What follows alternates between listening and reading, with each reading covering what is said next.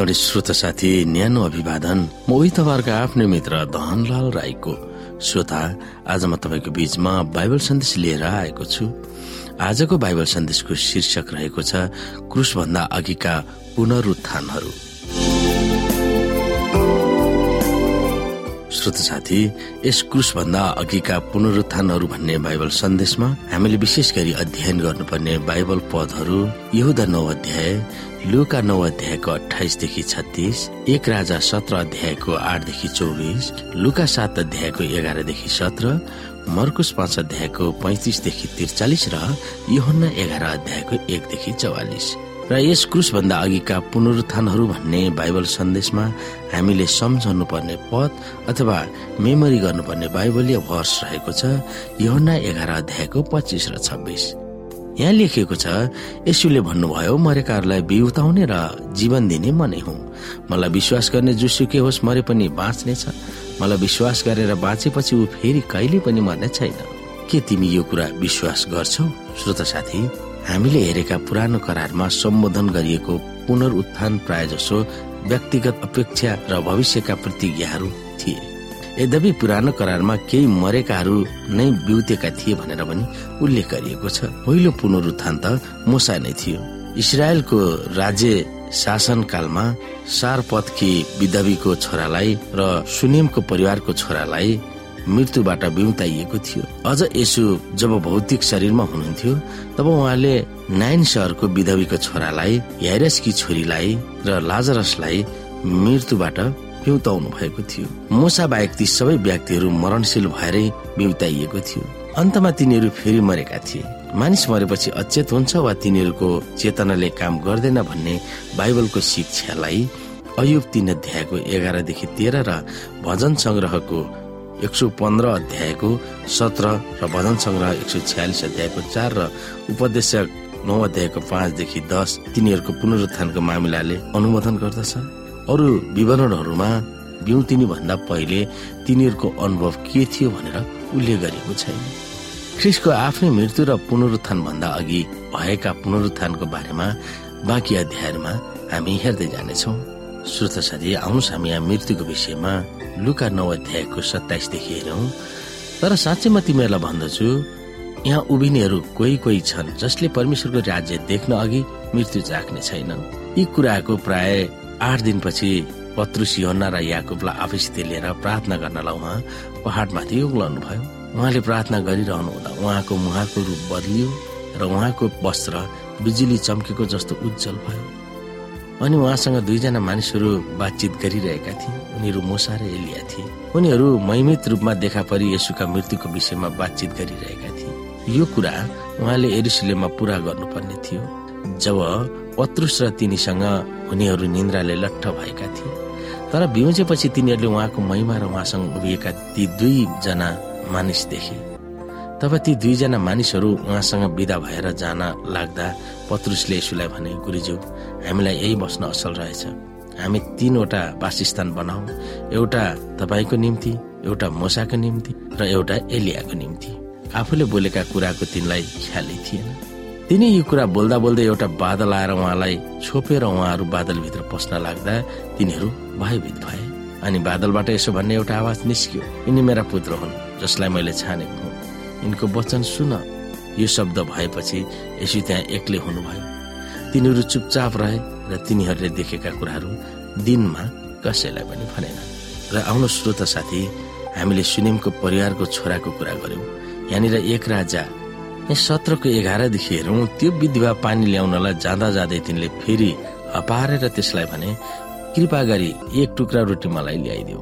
त्यस विधवाले जवाफ दिए जीवित परमप्रभु तपाईँका परमेश्वरको नाउँमा शपथ खाएर म भन्छु कि यी भाडामा एक मुठी पिठो र भुङ्रोमा अलिकता तेल बाहेक मसित केही रोटी छैन। म आफै र मेरो छोराको निम्ति खानेकुरा बनाएर खाई मर्नलाई घरमा केही झिजामिजा लानलाई खोज्दैछु। एलियाले त्यसलाई भने नडराउ घर गएर तिमीले भने चाहिँ गर तर पहिले तिमीसित जे छ त्यसको एउटा सानो रोटी बनाएर म ल्याऊ र त्यसपछि तिमी र तिम्रो छोराको निम्ति केही बनाऊ। किनकि परमप्रभु इजरायलका परमेश्वर यसो भन्नुहुन्छ देशमा परमप्रभुले पानी नपठाउन्जेल भाँडाको पिठो सिद्धिने छैन र भुङ्रोको तेल रित्तिने छैन। त्यो विधवा गएर एलियाले भने जाय गरी त्यसैले एलियाको निम्ति र त्यो त्यसका परिवारको निम्ति दिनेहु खानेकुरा भयो। किनकि एलियाद्वारा परमप्रभुले भन्नुभए झै भाँडाको पिठो सिद्धिएन र भङ्गुरोको तेल पनि रित्तिएन।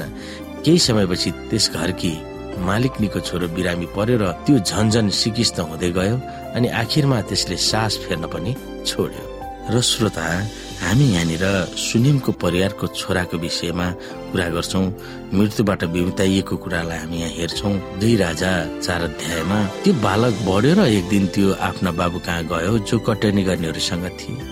त्यसले आफ्नो बाबुलाई कराएर भन्यो मेरो कपाल दुख्यो मेरो कपाल दुख्यो। त्यसका बाबुले एउटा नोकरलाई भने त्यसलाई त्यसकी आमा कहाँ लैजा त्यस नोकरले ठिटालाई उठाएर आमा कहाँ पुर्याएपछि त्यो ठिटो आफ्नो आमाको काखमा मध्य दिनसम्म बसिरह्यो र त्यसपछि त्यो मर्यो ती स्त्रीले गएर ठिटालाई माथि परमेश्वरको जनको ओछ्यानमा राखिदिएर ढोका लगाइदिएर निस्किएर गए तब तिनले आफ्नो पतिलाई बोलाएर भने कृपा गरी मलाई एउटा नोकर र एउटा गदा पठाइदिनुहोस् र म जति सक्दो चाँडो परमेश्वरका जन कहाँ गएर फर्कनेछु? उनले सोधे आज किन जानु पर्यो? आज न त औँसी हो न सवात हो तिनले भनिन् ठिकै छ। तिनले गदामा जिन काटी कसिन् र आफ्नो नोकरलाई भनिन् मैले नभनुन्जेल धपाउँदै जा र ढिलो यसरी तिनी गइन् र कन्मेल डाँडामा परमेश्वरका जन कहाँ आइन्? तिनलाई टाढेबाट आइरहेकी देखेर परमेश्वरका जनले आफ्नो चाकर र गिहजीलाई भने हेर त त्यो आउने त सुनम्मी स्त्री हो। दगुरेर गई त्यसलाई भेटेर सोध के तिम्रा पतिलाई कुशलै छ? के तिम्रो बालकलाई सन्चै छ? तिनले भनिन् सबै ठिकै छन्। जब तिनी डाँडामा परमेश्वरका जन कहाँ पुगिन् तब तिनले एलिसाका खुट्टा समातिन्। तिनलाई हटाउनलाई गहाजी अघि सरेर आयो तर परमेश्वरका जनले भने तिनलाई छोडिदिए तिनलाई साह्रै ठुलो कष्ट परेको छ तर परमप्रभुले त्यो कुरा मबाट लुकाएर मलाई केही भन्नुभएको छैन। तिनले भने हे मेरो प्रभु के मैले छोरो मागेको थिएँ र? आशा दिएर मलाई निराश नपार्नुहोस् भनी बिन्ती गरेको थिइनँ र तब एलिसाले गिहाजीलाई भने मेरो खास्टुले कमर कस यो मेरो लौरो लिएर कुदिजा यदि बाटोमा कसैलाई भेटिस् भने त्यसलाई अभिवादन नगर त्यसले अभिवादन गर्यो भने त्यसलाई जवाफ नदे यो मेरो लौरो त्यस ठिटाको मुखमा राखिदिए तर ठिटाकी आमाले भने परमप्रभुको जीवन र तपाईँको जीवनको शपथ खाएर म भन्दछु। म तपाईँलाई छोड्ने छैन। यसैले उनी उठेर ती स्त्रीको पछि लागे। गेहजीले चाहिँ तिनीहरूका अघि गएर त्यो लौरो त्यस ठिटाको मुखमा राखिदियो। तर कुनै प्रतिक्रिया आएन। त्यसकारण एलिसालाई भेट गर्न गेहजी फर्की गयो र तिनलाई भने त्यो केटो त जागेन। जब एलिसा घरमा पुगे तब तिनले आफ्नो छ्यानमा राखेको त्यस ठिटालाई मरिसकेको भेटाए। तिनी कोठाभित्र गएर तिनले कोठाको ढोका थुनेर परमप्रभुलाई प्रार्थना गरे।